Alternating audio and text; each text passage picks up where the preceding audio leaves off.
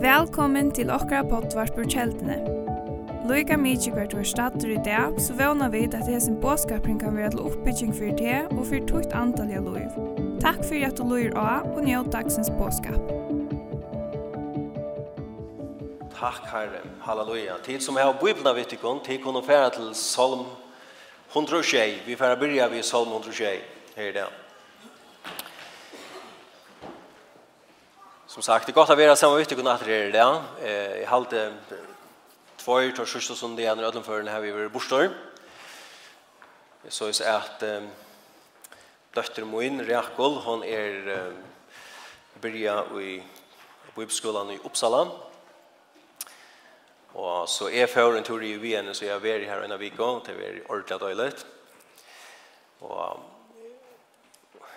Och lukka fortelje seg, vi Vi vi tog og flåfæren i vi, vi SAS og skulle så skifta flofar i, i, i, i Kastrup her til, til Vujere eller til Arlanda.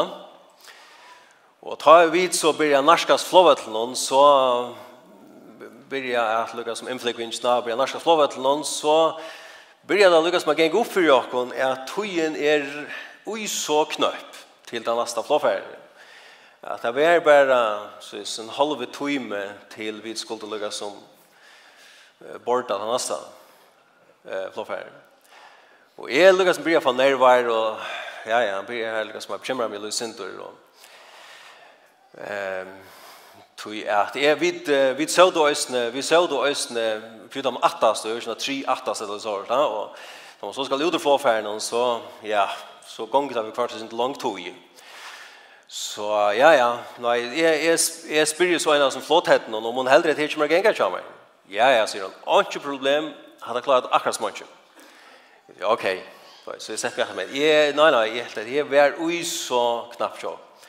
Vel, vi lenda så, og Og så lykkes med det, så jeg husker hva skal funnet, vi gjør, nu, vi gjør klart for ut, så, du vet, så drøner vi det stedet, du vet, da, røyne i Vrhalan og Hver så sier Flåsje bare, nei, nei, nu, nu tar vi det til seksjonen, først og fem, så neste og lykkes som du vet, så vi var på de attast, så det er ikke. Slett så det er et her vi korona, så har det halvt avstand, så er det, så oh my dear, altså, dette gonger sånt, altså.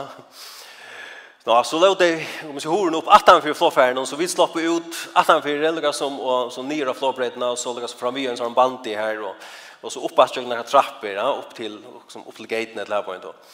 Så vi skunda av oss där och dröna oss där här opp til horna och hun var så last tvåta så vi tar vi kom här och vi stod inne inne så horna så en av oss bäck på här då och folk kom gänga förbi tvåta og hela oss upp för Og vi drøna de ut her, det som her som man så kommer inn her, da, til Tåfærgeitene, og vi tittar ikke hva vi er rundt. Det stod nemlig ikke av boardingpassen, den neste boardingpassen til hver vi skulle fære til.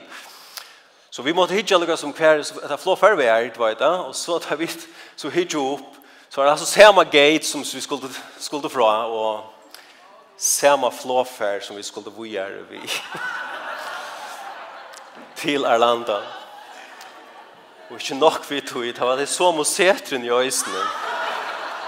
Så vi tog og drøna rundt der, og man hadde flikkbæret til å se om setren, du vet. Og jeg, ja, jeg virkelig har følt meg bortan altså, du vet. det var jo ondt alt, og jeg så flott hettene hele tiden at jeg får klare det altså. Men altså, jeg og Jakob, vi virkelig har finner en gøy later her, altså, i splafferen. Så, ja, vi, vi först så kanske bekymrar vi dere kanske för för lekven. Först är kanske stövan inte så ring som vi halden ser ut lavera. Det är Tid, jeg, jeg kunne huske meg her det at dølt og et uh, lydig år vi tenker nere det om, om det at god er gaur. Amen. Um, og uh, Salmor 106, vers 8, sier så løs at Prøys i herranon, tøy han er gaur. Prøys i herranon, tøy han er gaur. Nøye hans er verer og i atlar eivir. Så skulle hini endur lost og herran sia, tei som han hever lost ur neiene. Og her er bara runka ui munnen anda i sånn og er her er at god er gaur. God er gaur, og han er så avmetalig gaur, og han er så gaur motveges okkom. Amen. Han er så god vi okkon. Og det er jo bare runk mun min hjärsta som sier så sånn det er. Jeg bare gidder jo prysa herran om fire til. Takk god for at du er så god. Du er bara så god. Og god er så gaur. Han er så ometelig gaur vi okkom. Han er nekv betre enn kvært og i vid mengan kan skal djeva okkom færum.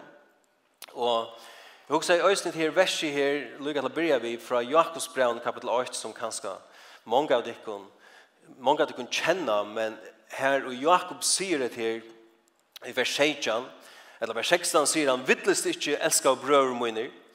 Og så sier han vers 16, «Ødel gav gava og ødel fullkommen gava er omanfra og kommer nyer fra feir ljøsene, som ikke er brøyding, etla skiftande skudgetjån.» God er så avmetelig gauur, og han brøytest ikke. God er alt i gauur. Amen. God er alt i gauur. Nå, jeg vet vel til at God i øyne er høylaver, at God er rettviser, og, og det er ikke så løs at God er til tøyer høylaver rettviser, og er der tøyer gauur. God er alt i høylaver, men han er øyne alt i gauur. Og alt det som God gjør ger han tog han er høylaver, men alt det som Gud ger, ger han øysene tog han er gaur. Amen. Så Gud er gaur, han er alt i gaur, og ødel gaur gava, og ødel fullkommen gava kommer nyer fra færiløsene, som ikke er brøyding eller skiftande skudgetja. God er gaur, alt det, alt som Gud er, alt det som Gud er, alt det som Gud eh, huksar, Allt det som god tilrattaleggur, etla planleggur vi tunne løyve, allt det som god gjer, det er godt. Allt det som god er, og allt det som god gjer, er godt. Amen. Halleluja. Og, og jeg vet vel til at vi kunne ha det trobult, Uh, kun færre jøkken trobla tøyer og kanskje enda svarar tøyer vi først. Men god er framvis gauur tid. God er framvis gauur. Og god er og i fer vi, eller han viskar fyrir til, og han er holdt vi at gjera nekka godt fyrir til. At hjelpa til, og en virka en utveg fyrir til. Her som to erst. Og mer damas vel her, her kan man si, en kjenta skriftsteg fra Jeremias, kapittel 22. Vi leser det, jeg do ikke har siteret det. Jeremias 22, og vers 11, her Herren sier, «Tu er void, kvært jo i atle, og her vi hoa vi vujande tikkum, sier Herren, friar atlaner, og ikkje vannlokk atlaner, at djeva tikkum framtøy og vevn. Er void, sier Herren, er void kvært i atle, og her vi hoa vi vujande tikkum. God void kvært han atlar vi vujande tikkum. Han, han er ikkje ivo i kvært han atlar vi vujande okkum. Han void, han hever fotla vissu i hva han atlar vi ujan jokken. Det er en gau atlan som han hever ujan til her. Halleluja. Og Bibelen sier her på en, jeg husker at her kanskje er stå i nær støvo, eller folk kunne være i nær støvo, her de ikke sutja ser, eller ikke sutja fire ser, eh, nekra veun. Her de ikke sutja nekra framtid fire ser. Men god er mentor er djeva menneskjon en nutja framtøy, eller en framtøy og vevn. Du, jeg skal djeva tikkun, han sier, jeg skal djeva tikkun framtøy og veun. God er mettur at djeva menneskjon framtøy og veun. Halleluja. Jeg minns, for en tog sujane, så bo vi for en mann som var komna møte her, og han, han hei troblagar vi, vi alkoholen med landa. Han kom og møte her, og minns vi bo for en 18 møte. Og han tog med i herren. Vi fikk lov til løyen til Jesus, og han tog med i Jesus inn sitt hjerte. Og han gav sitt liv til Jesus, og vi, vi bo for henne at han skulle bli sett frihøyt fra heisen her, alkoholen. Han sa ikke nekker frem til å fyre seg. Og, og det var så omettelig godt å kunne snakke med denne mannen at nå, at nå, at nå. Her han fortalte det til bare at hans lov var fullkomlig brøyt. Og, og, og han, han var stopp ned av det her, alkoholen, og så trångt henne etter alkoholen. Og han fortalte enda til at, at han hei vært vi, han hei vært vi Norren, og stått han og, og til platt i alt jeg enda i en, en druktur i kjassar. Han enda alltid vi har sida med en partnatoin i barnen. Men han sier til at jeg har vært i Norge nå, jeg har ikke så mye som drukk i øyne til øynene støl. God brøtt i hans liv. Amen. God er mettor at djeva menneskjon og en framtøy og vevn. Her vil ikke sutja nekka framtøy fyrir jokken. Toi han er gaur. God er gaur. God er gaur. Og ofta tar vi tås med her at God er gaur. Så lukka som er det sort, men. Nei, det er ikke men. God er gaur. Ja, men, og ta i tås om til at god er gauer, så er det typisk onker som vil lage som minna mig ja, men Ola, det er så nek ønt som hender i sin heimen om det, etla i vår høver, tjøkken atla tøyer, at det er så nek ønt i sin heimen om det, det er så nek ilt som hender mennesken, og at tryggvandet kommer øyne ut fyrir tingene som er svar, ja, jeg vet det men god er gauer, god er gauer, og han er en god atlan vi tog inn. Han er mentra hjelpa til her. Så er det Rombrave kapitel 8 og vers 8-20. Rombrave 8 og 8-20 sier at vid vita, amen, fløy jeg tykker du har siterat det, vid vita at alt samvirskar tar imun til gaua, ikke til det ytla, ikke til det ringa, ikke til det vannlokk og atlaner, som han sier i Jeremias. Ikke til nekka ringt, men han sier alt samvirskar tar imon til gaua, som elskar god, og eh, tar imon i et rai hans er kalla. Sørst du, god er mentor til å vente tynar støv. og han ser hvordan hun ser ut. Allt er mövligt för gode. Han er mättor til att vända eh, det är omövliga tjat här. Til som ser, til som är bråttigt, til som är lagt, til som eh, djevelen har stål ut utvinn liv. God er mättor til att bröjda det. God er mättor til att vända det. Allt samverskar taimon till goa som älskar god, som är röj hans är kattla. Amen. Vid vita. Og spårningen er vida vid. Men god inser vi skulle vita efter att han är mentor till att bröjda våra liv. Takk Jesus, halleluja. Takk Herre. Fær var prysat her, halleluja. Eh, Sødna Korint, omkylda 4 Korint, kapitel 2. Øysen er skrifstad. Kom vi bare døyla nokkur skrifstad vi, vi, vi tikk nere i det. Lilian, hon spurte meg hva fyrir, slæ av, men sier andalige føy vi kommer få her i det. Jeg sier vi igjen, jeg visste ikke ordentlig, det ble kanskje en grøydrater. Eh, det er er nøkker ting som, nøkker vers bare som har tala til mine søskene som, og særlig om at her vi Guds gøst, Guds gøst, Guds gøver god er vi og amen. Og så er, ja, jeg vet ikke ordentlig om Rafael er som jeg atler, men det er noen ting som jeg også bare er at lukka som er givet ikke her i det. 4 Korint kapitel 2 og vers 9. Jeg skrifte øy som er damer ekkert vel. Her han sier at vi taler som skriver er, til som ikke eier hever se, og ikke øyre hørst, og som ikke er kommet opp i hjertet nekers menneske. til som god hever gjørst har mot røyer som elsker han. Vi har noen lyfte, vi som elsker god. Amen. Vi har noen lyfte, vi som kjenner god, vi som har møtt Jesus. Og et av de tingene som han sier her, er at Gud har gjort noen ting til røyer. Og han sier Det her som god er gjørst okken til røyer, det er så godt, det er så størst, at det er ikke kommet opp i hjertet nærkast menneske. Ikke eier seg, ikke øyre hørst. Og det er ikke kommet opp i hjertet nærkast menneske. Det er så negv større enn hva at nærka menneske kan planlegge eller opphuksa for ditt liv. Det er negv større. Det som god hever gjørst til røyer for det. Så forvanta hans er gøsko. Forvanta hans er sikning. Amen. Halleluja. Vi vi vi vi platt alltid att synja här sangen för tar man Jakob badna möte att best göska och nöje ska fylla mer alla det i livet. Amen.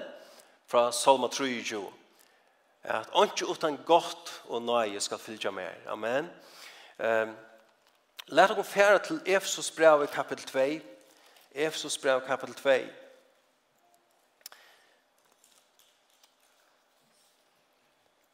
Så god er gåur.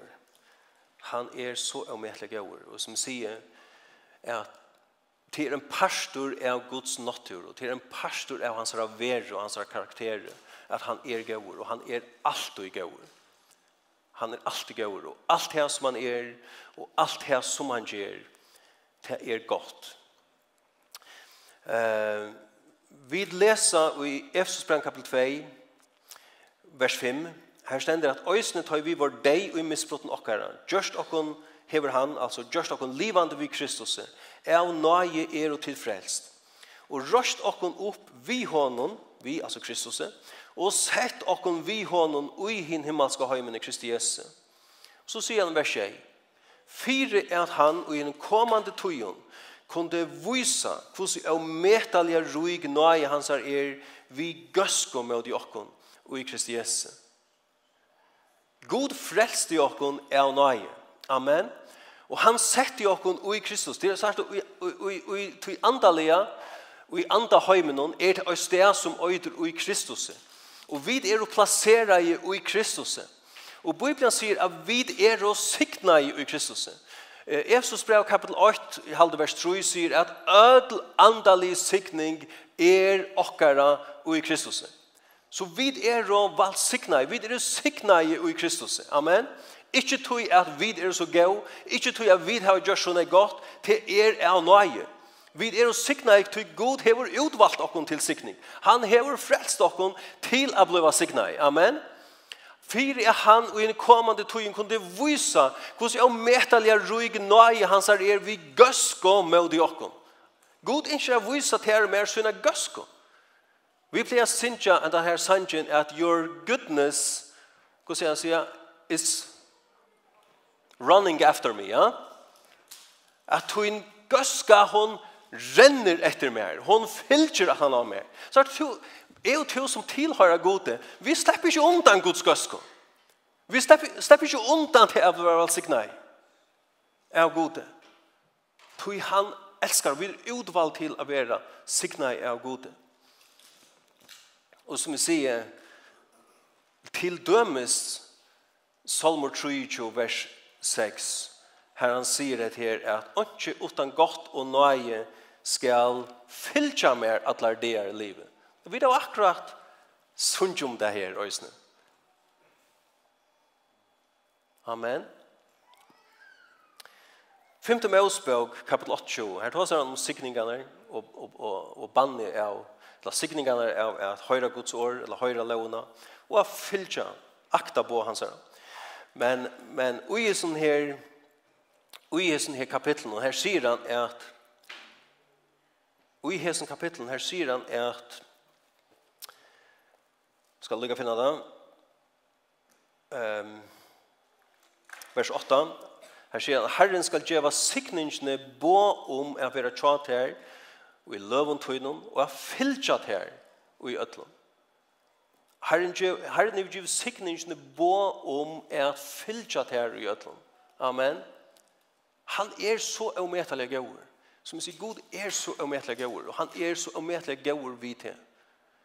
Han er givet sikningene bå om er fylkjat her i øtlen. Og i tøynen arbeid, tøynen familieløyve, i øtlen. Og vi har tørv av øyne i halvje, som Salmer 106 sier er prysa herran om tøy han er gaur. Og han sier her vers 2, så skulle hini utvald og herrans, eller hini endur lost og herrans sia. Vi har tørva til tøyer er sia det, er proklamera det, er god er gaur. Amen som vi sangren som vi byrja vi her i det her vi her vi proklamerar Guds signing i vår okra familj i vår i vår tack kommande att leda till kommande att Amen. Vi tar väl tar vad vi först är bara proklamera det att säga God, tu erst gaur. Tu erst gaur. Amen. Og ta i vid proklamera det, ta i hinn i endur løst og herran sia til, så får løyse til nek i okkara løyve. Ta gjer nekka vi okkon, ta i vid sia til, ta vi jotta til ut vi okkara munni. Amen. Ta, ta, ta litter okkon opp, ta styrker okkara trygg. Men, men ta, ta, ta løyser okkon òsne. Ta setter okkon òsne i frihøyd fra bonden som binder okkon. Ta vi byrja kungjera at god er gaur. Amen. Amen. Halleluja. Men så, så kom jeg til nække her som, fra Efesus brev kapitel 2 her, som jeg bare øyne kjenner Herren hever, hever tala til meg om. Og det er just det her, her han sier, i sin samme versen, for at han i den kommande tøyen kunne vise hvordan jeg metallige rug nøye hans er i gøske mot jokken i Kristi Jesu. Så er det god han hever, som sier, han hever rygnøye valgsik noen. Men, God hever ikkje øynans valsikna okkon og vursuna gøsko imødi okkon bæra fyrir okkara skuld. God hever vat valsikna okkon fyrir at gjer okkon tilsikning. Amen. Han hever gjørst okkon til, han hever valsikna okkon fyrir at ånder rundan om okkon skuld bli valsikna i. Fyrir at han i en kommand tøyen kunde vysa Uh, en ensk tøying sier at, at we are the visible display av hansara ruigen og ei og gøsko. Vi er hansara, vi er hansara framsyning eller framvisning av Guds gøsko og nøye. Vi er noen god hver utvalgt okken, sjåan det til av alt sikten okken, men god hver utvalgt okken øysene til at vise framsyna gøsko, syna nøye fyra i heimen, fyra människor. Så er det god älskar mennesker, God inser er at hjelpe øre mennesker, God inser att mennesker blir frelst. Amen. Og han inser av sikten andre mennesker, og han hever just okkon til et eksempel og på hvordan han, hvordan gaur han er, og hvordan ruik hans han eier. Så han hever til okkon ut, han er frelst okkon, og han hever han hever ut av sina gøsk og sina nøy i okkon, fyrir at andre skulle sutja til han for at ånden skulle sutja til. Og hette er, at, ta han sier det her for at vysa hvordan rik hans han eier og hvordan stør hans røsker, så er det akkurat som en, en, en, en, en svinesklutje, et utstillingsvindeie, kan du godt se. Du kan komme gengan i en handel og to en kladna handel, Nu tar sig kanskje det mer til men lika mykje. Og du kan man gänga på en klattenhandel og du kan söka noen klær her, og du kan också wow, här klær kläder är flott. Wow, här klær kläder är läckor. Jag var inne i en handel på ena vägen att hitta ett la röna sig i av. Men först vad hade her är det som god attla i våkon. God här var utvalt och för att visa hur er metallig rygg nøye hans er vi göskumod Jakob. Så hvis at mennesker suttje okkon, at de kunne sija, wow, gode gaur. Wow, hans ranoi er stør. Og de får ho til at søtja herran. De får ho til at komme nærre. De får ho til at få at det som vi heva. Amen.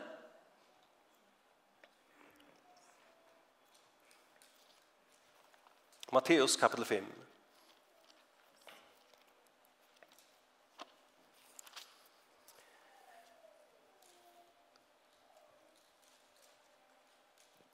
vers 14. Her sier han at tid er ljøs hømsens. Stavur i stendere av fjallet fjallet ikke. Vers 15. De tendrer heller ikke ljøs og setter under kjeppmålet. Når jeg ljøs av stekken, så lyser til øtlån i husen. Og så sier han vers 16. Lete så løs ljøstikkere lysa menneskene så de kunne suttje gode verstikkere og ære tikkene lytta tikkun opp, rosa tikkun, og æra færi som er himmelen. Amen. Så er det jo at god er så omhetlig gaur. Og ta vi mennesker suttja okkara gau versk. Ta vi hjelpa mennesker, ta vi det vidla sikna ånder, gjer ims skott fyrt hei. Ja, så vil de versen som vi gjerra vera som ljøs, som pojkar av färgen. Och, och folk vill jag sudja åkara värsk, åkara gå värsk och de vill jag ära färgen som i himlen. Amen.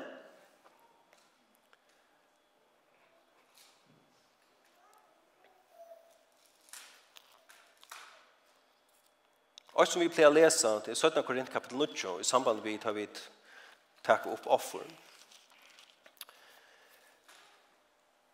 Og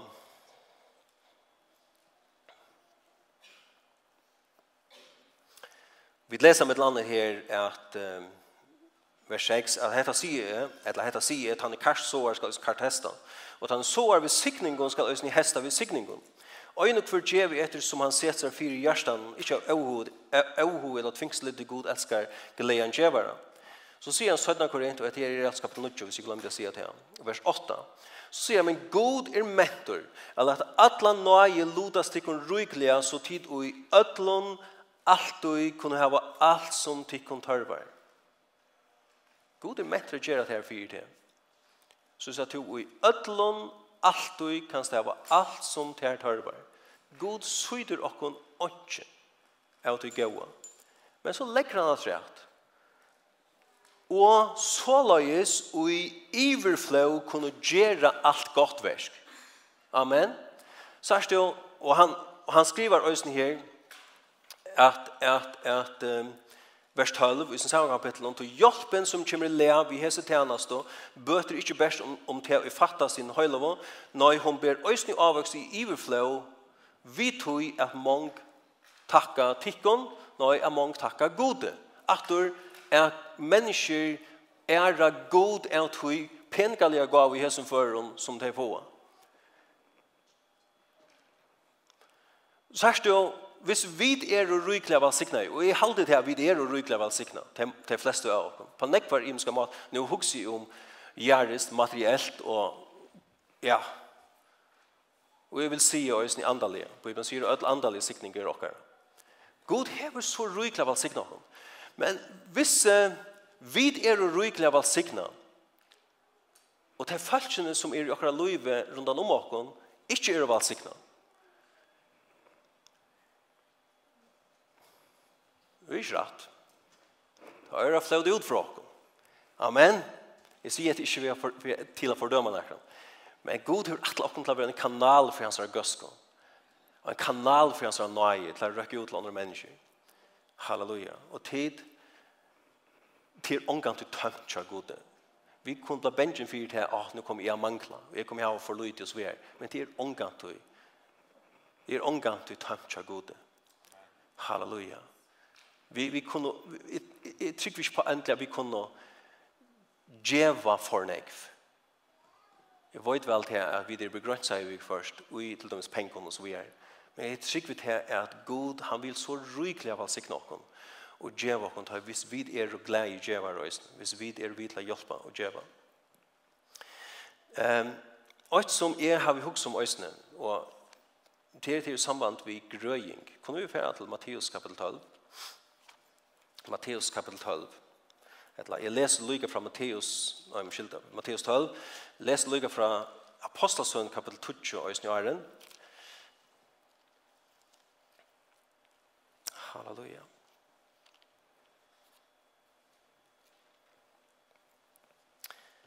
Takk, Jesus. Apostelsøn 28 og 38 sier såleis at om Jesus er Nazaret, hvordan god salva han vi høyla andan og kraft, Han som gikk om og gjør det vel. Amen. Han som gikk om og gjør det vel, og grødd i ødel og djevelen finnes valgt av. Tøy god vær vi honom. Jo, I Matteus kapitel 12, her leser vi at Jesus, uh, her her er i, uh, her her er i vers 19. Les her om Jesus kommer inn i synagogen i dagen. Og la bare lukka lese til, det er bare en 2-3 vers. Da stendur er så fjord Jesus igjen og kom inn i synagogtarra. Og her var medvur hvor hei, hei vissna hånd. Tar spurdu han jo, er løyvelitt er grøa sabbat. Fyre er at han kunde få okta kle han fyre.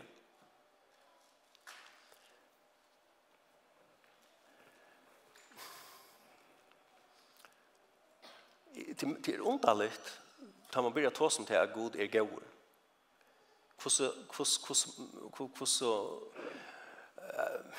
negativa reaktioner man kan få från människor. Jag vill säga att här här som boskapen tar jag ta som kanske akkurat men tar jag ta som till att god är god.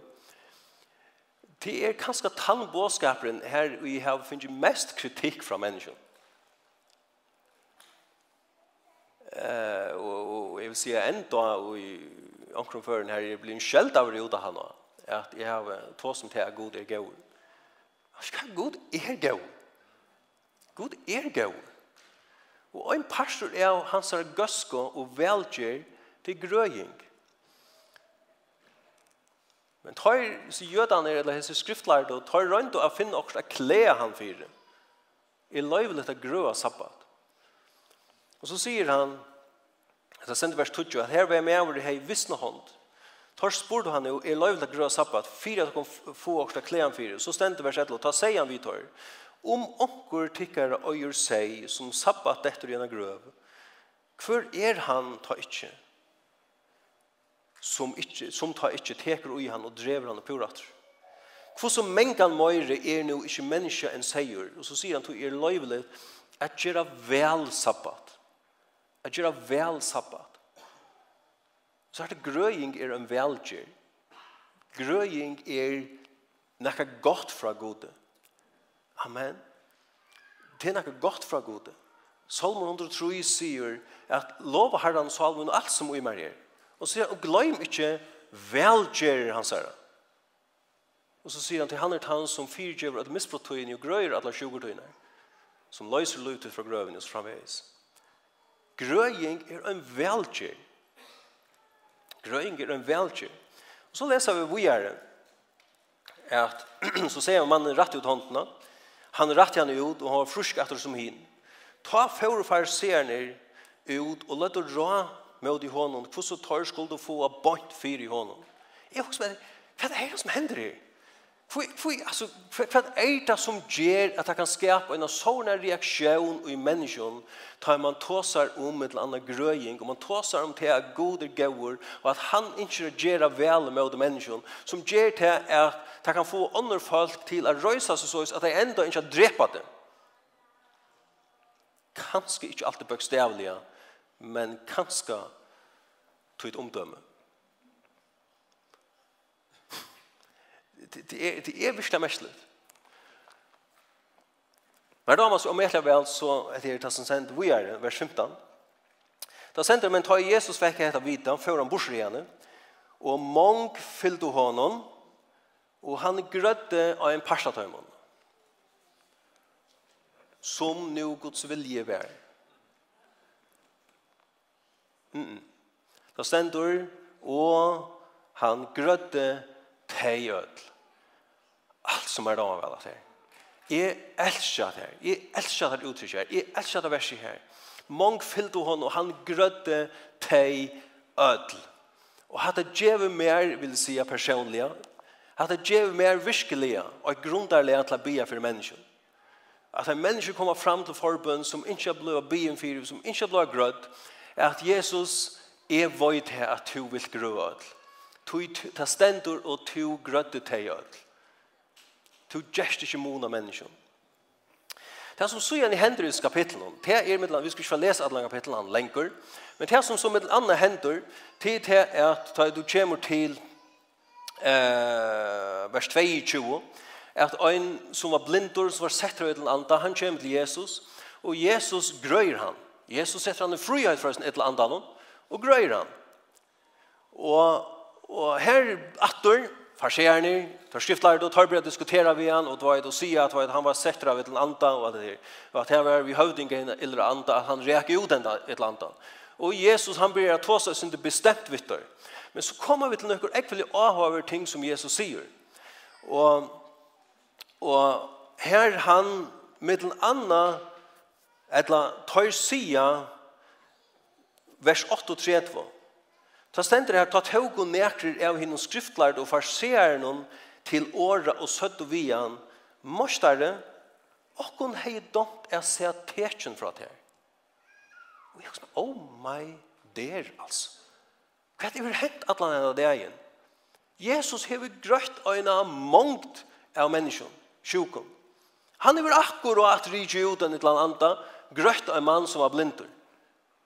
Og så stilla seg her, Jesus, vi kunne hugsa okna tekjen fra ter. Og Jesus svär om att varska tikkun skal ikke anna tekjen med givi utan tekjen Jonas er, han som var budsen og fisken og trutja der, trutja nætter og så videre. Og til etter jeg må til som folk som brukar hatta skriftsäg som Jesus, er, ta Jesus svär, svär at han nattor at tikkun skal ikke anna tekjen med givi. Som folk brukar det her som, som, som, som, som, som, ett ett ett ett argument för tui är det är fast blå gröd att det blir för sjukan i skriften där. Att faktiskt är skrift att be god om gröjing. To Jesus ger och och inte annat tecken än tecken Jonas. Men vad ska det är alls inte det som Jesus står så. Han har akkurat här just en mångd är tecken framför fyra timmar. Gröjingar problemet til som mannen her, som til øysen er det til många människor eller talaren, eller hva man skal si, til at det er så omettelig mange som alls ikke, og til det som problemet kjens mennesker, til det tar høyt og alls ikke nei fire mennesker. Tar høyt og slett ikke hjertet fire mennesker. Tar var og slett ikke åhøyer og i tom 20 mennesker.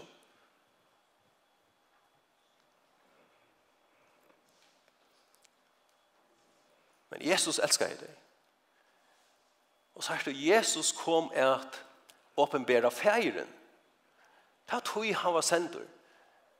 Jesus, jeg kunne gjøre versk færesmunns. Jeg kunne åpenbæra færen. Jeg kunne, jeg kunne vise deg om færen. I, i Johannes kapitel 14, her i Philip sier, vise deg om færen, og til nå mykje. Og, og, og Jesus sværer etter, hvordan kan du si at vise deg om færen, vise meg færen? Da er du, han har sett med, sier han. Han har langt å se færen. Jesus kom att åpenbära om färgen. Hebreerbrevet kapitel 8 vers 3 säger att han är ljum med durdar hans han är uimend ver och hans så där Jesus kom her, det är jag tycker att det er den största missionen uppgåvan som Jesus säger han han främsta missionen som Jesus säger den kommer till görna det är att åpenbära om färgen. Det är att skönliggera färgen för och i år i världen. Og det var middelen anna vi er grøva mennesker. Men hese ble jo ytterlig.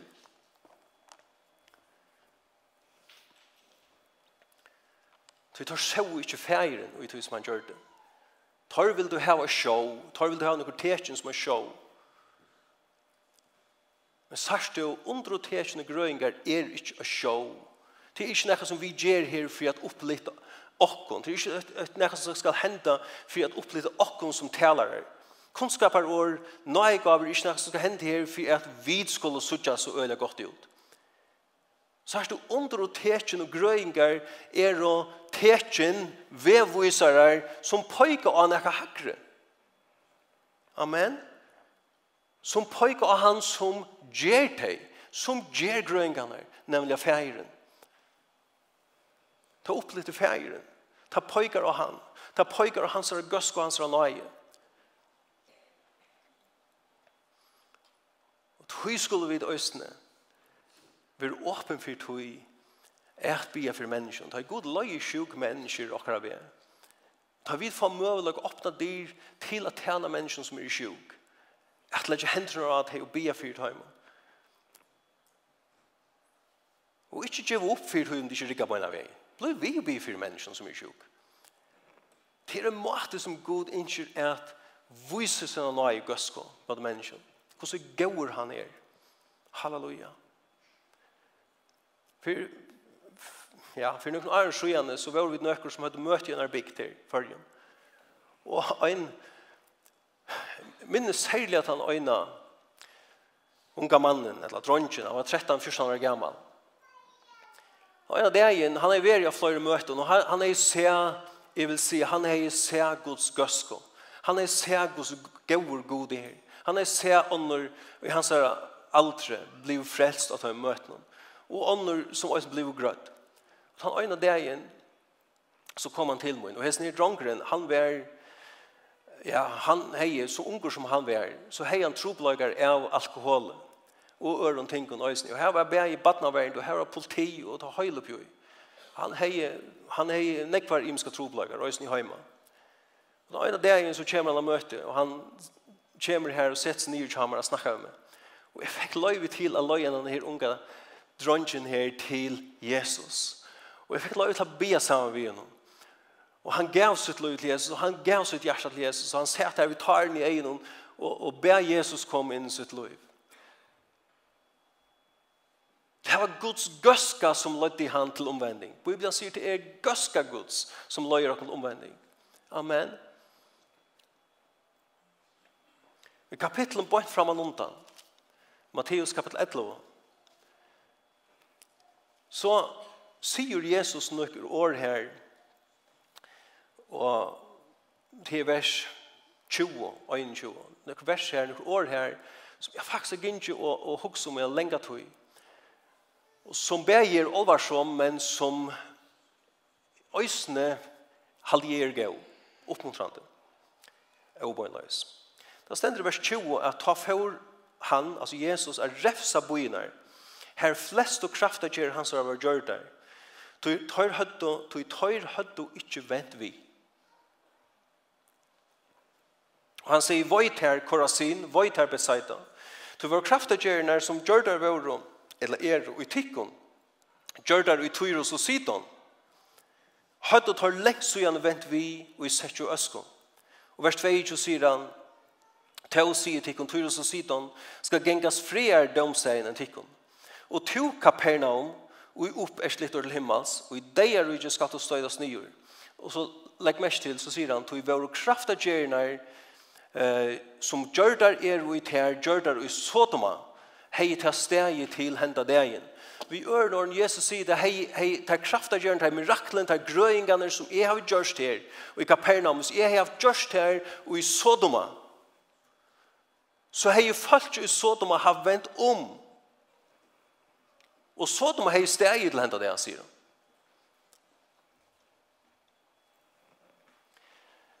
Men sørst og tropleggen til åkken mengen, til okkon, om skilda, jeg heter ikke pøysfinger endelig etter tikkon, men hos som kristen, iver høver.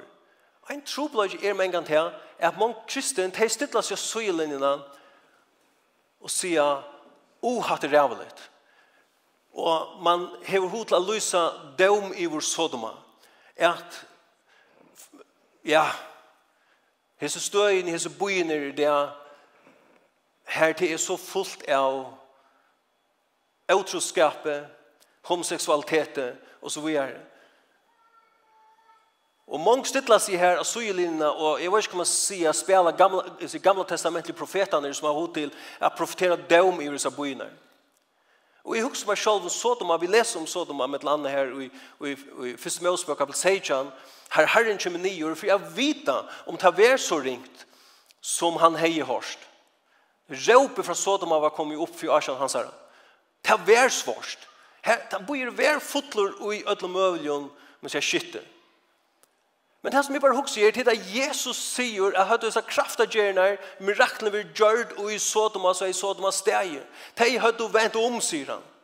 Og det som jeg husker, og ikke miskjelja meg, er, er Jeg tror seg ikke om at vi skulle lova synd inn i samkomna. Jeg tror seg ikke om til at vi skulle lakka okkara moralska standard eller brøyde okkara lærer på nærkast mest måte. Men jeg tås jo med til Jesus djever okken vil jeg si i første leie, at han konkluderer i første leie, er at hese kraftagjerna miraklene hadde løyt teg til omvending. Så har du gøska Guds løyer okken til omvending.